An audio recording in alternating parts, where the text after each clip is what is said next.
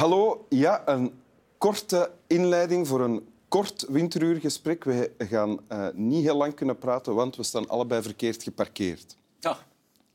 En met Sander van Hoorn. Wat zei Ik wist het, ik wist het. Je wist ik sta namelijk tegen die van jou aan, maar Ja. redelijk hard. ja. Maar die van mij stond toch al vol krassen en scharen, dus dat maakt niet uit.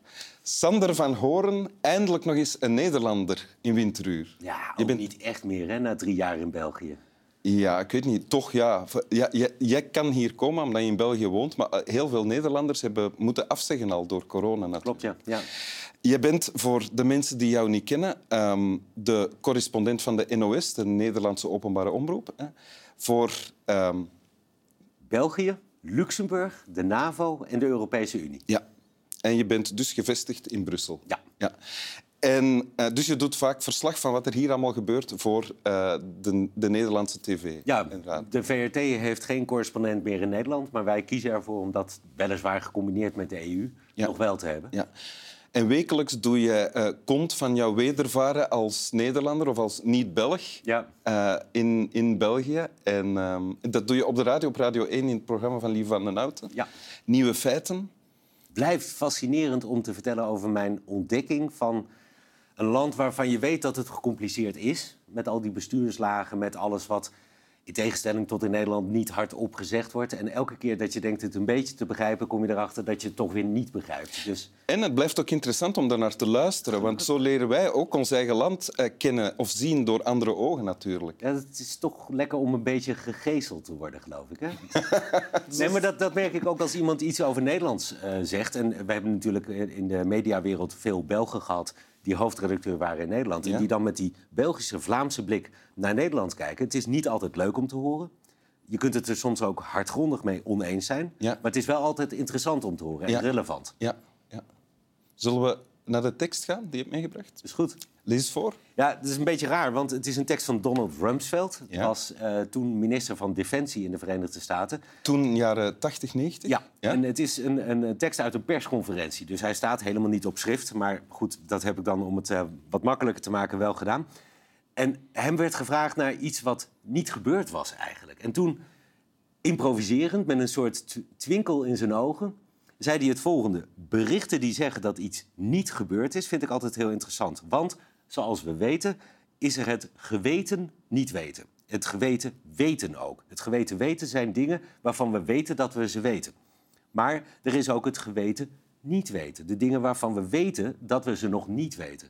Maar, zei hij vervolgens, er is ook het ongeweten niet weten. De dingen waarvan we niet weten dat we ze niet weten.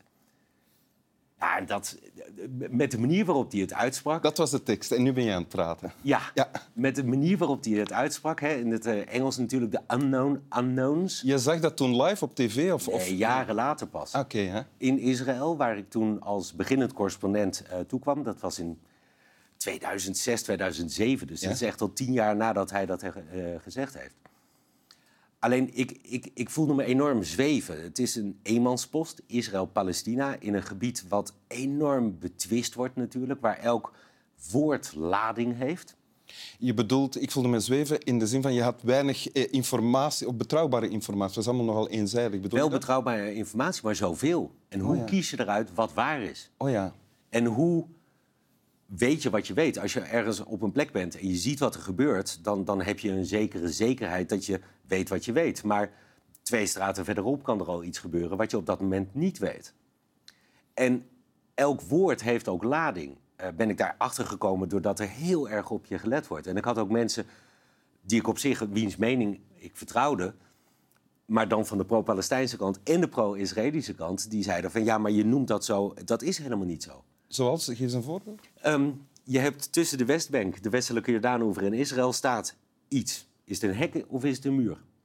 Is het apartheid of is het veiligheid wat het brengt? Dus dan heb je in een veiligheidshek of een apartheidsmuur... heb je al als journalist een aantal keuzes die je moet maken. Dat is nog maar één woord. En hoe doe je dat? En ik ben daarover gaan nadenken, omdat ik merkte dat ik dat wel interessant vond... maar heel relevant, want door mijn ogen zien Nederlanders eh, wat er gebeurt daar. Ja? En toen kwam ik die quote tegen. En toen dacht ik van ja, dat is eigenlijk precies hoe ik intuïtief eigenlijk werk. Want met name dat geweten of dat ongeweten niet weten. Dus dat er dingen zijn waarvan je niet eens kunt bevroeden dat het, dat, dat het er is. Ja, dat mag toch op zijn minst tot een soort bescheidenheid in je verslaggeving leiden. Ja? Dat heb ik daar wel uit overgehouden. Dat je dus ook op een gegeven moment kunt zeggen dat je iets niet weet. En dat je dat ook live in de uitzending kunt doen. En dat dat geen zwaktebod is, omdat zelfs iemand als Donald Rumsfeld inderdaad een soort deemoedig wordt van het niet weten dat je iets niet weet. Ja. Je zei, uh, dat kan je bescheiden maken in je verslaggeving. Ja. En, het kan ook uh, brandstof zijn om te blijven zoeken en vragen stellen, denk ik. Dan. Ja, dat, dat is de journalistieke opdracht. Maar dat zit hem eigenlijk ook al in het tweede. Hè? Dingen waarvan je weet dat je ze nog niet weet. Nou, dat is dan de opdracht om daarnaar te gaan zoeken. Ja, dan ga je redelijk gericht op zoek. Hè? Ja. ja, precies. Maar dat, misschien dat je het zo moet zien dat, dat het een soort opdracht is om in elk geval open te blijven staan. Want als jij hier het gesprek voert met mij en je hebt heel duidelijk voor ogen van, nou, dit weet ik, of dat weet ik nog niet en daar ga ik naar vragen. Ja, misschien zijn er wel dingen die ik weet waarvan jij niet eens weet dat ik ze weet. En dat je blij bent achteraf dat die eruit zijn. Of net niet. Is niet kan ook, Maar er was nog, als je, als je het in een vierkantje opdeelt en achteraf ga je zoeken en dan blijkt dat ik natuurlijk niet de eerste ben die die quote ontdekt heeft. Er is heel veel over gezegd en geschreven.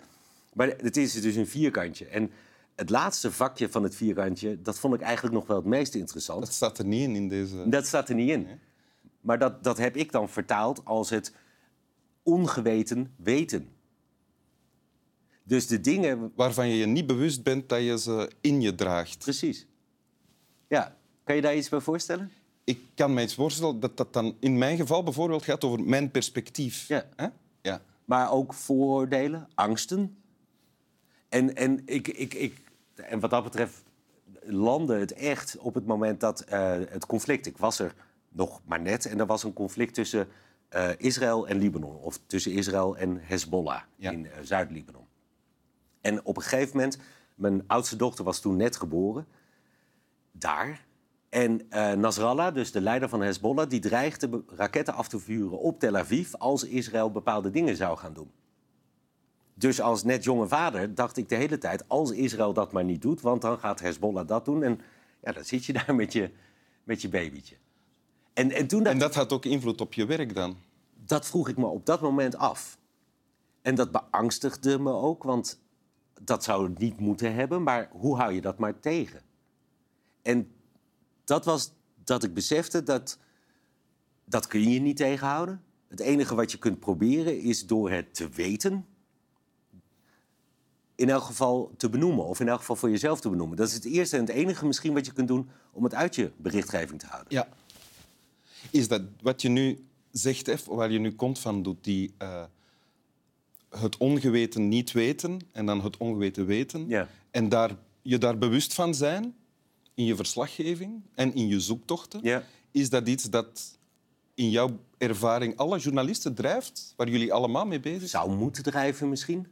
Maar met name dat, dat laatste zie je ehm, alleen al de plek waar je geboren bent. Ik bedoel, kijk ons hier zitten. Ja. Twee witte, blanke mannen op middelbare leeftijd, Een witte geboren hond in erbij. welvaart. Met een witte hond erbij. Ja. Dat kleurt onze blik op het leven.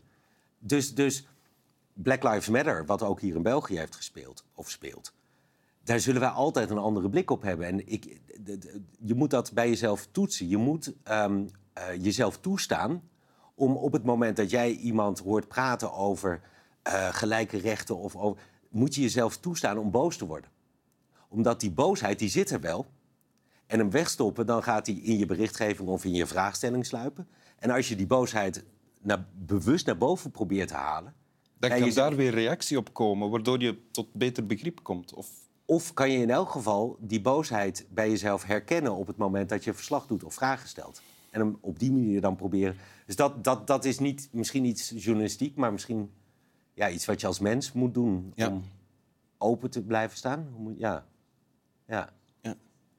En dat allemaal door die neoconservatief Donald Rumsfeld. Dat vind ik nog wel het meest mooie. Wil je het nog eens voorlezen? Zoals hij het heeft gezegd nu. Oké, ehm, Echt, Staat het niet in het boekje? Dat staat niet in het boek, daar heb ik alleen in het Nederlands Ah, ja, ja. opgeschreven. Maar reports that say that something hasn't happened are always interesting to, to, to me. Because as we know, There are known knowns. That is to say, things we know we know. But there is also the known unknowns, things we know we do not know. But we- there's also the unknown unknowns, things we do not know we do not know. Dank u. Hij zit er zo in dat ik hem uit mijn hoofd. Ja. Slap wel.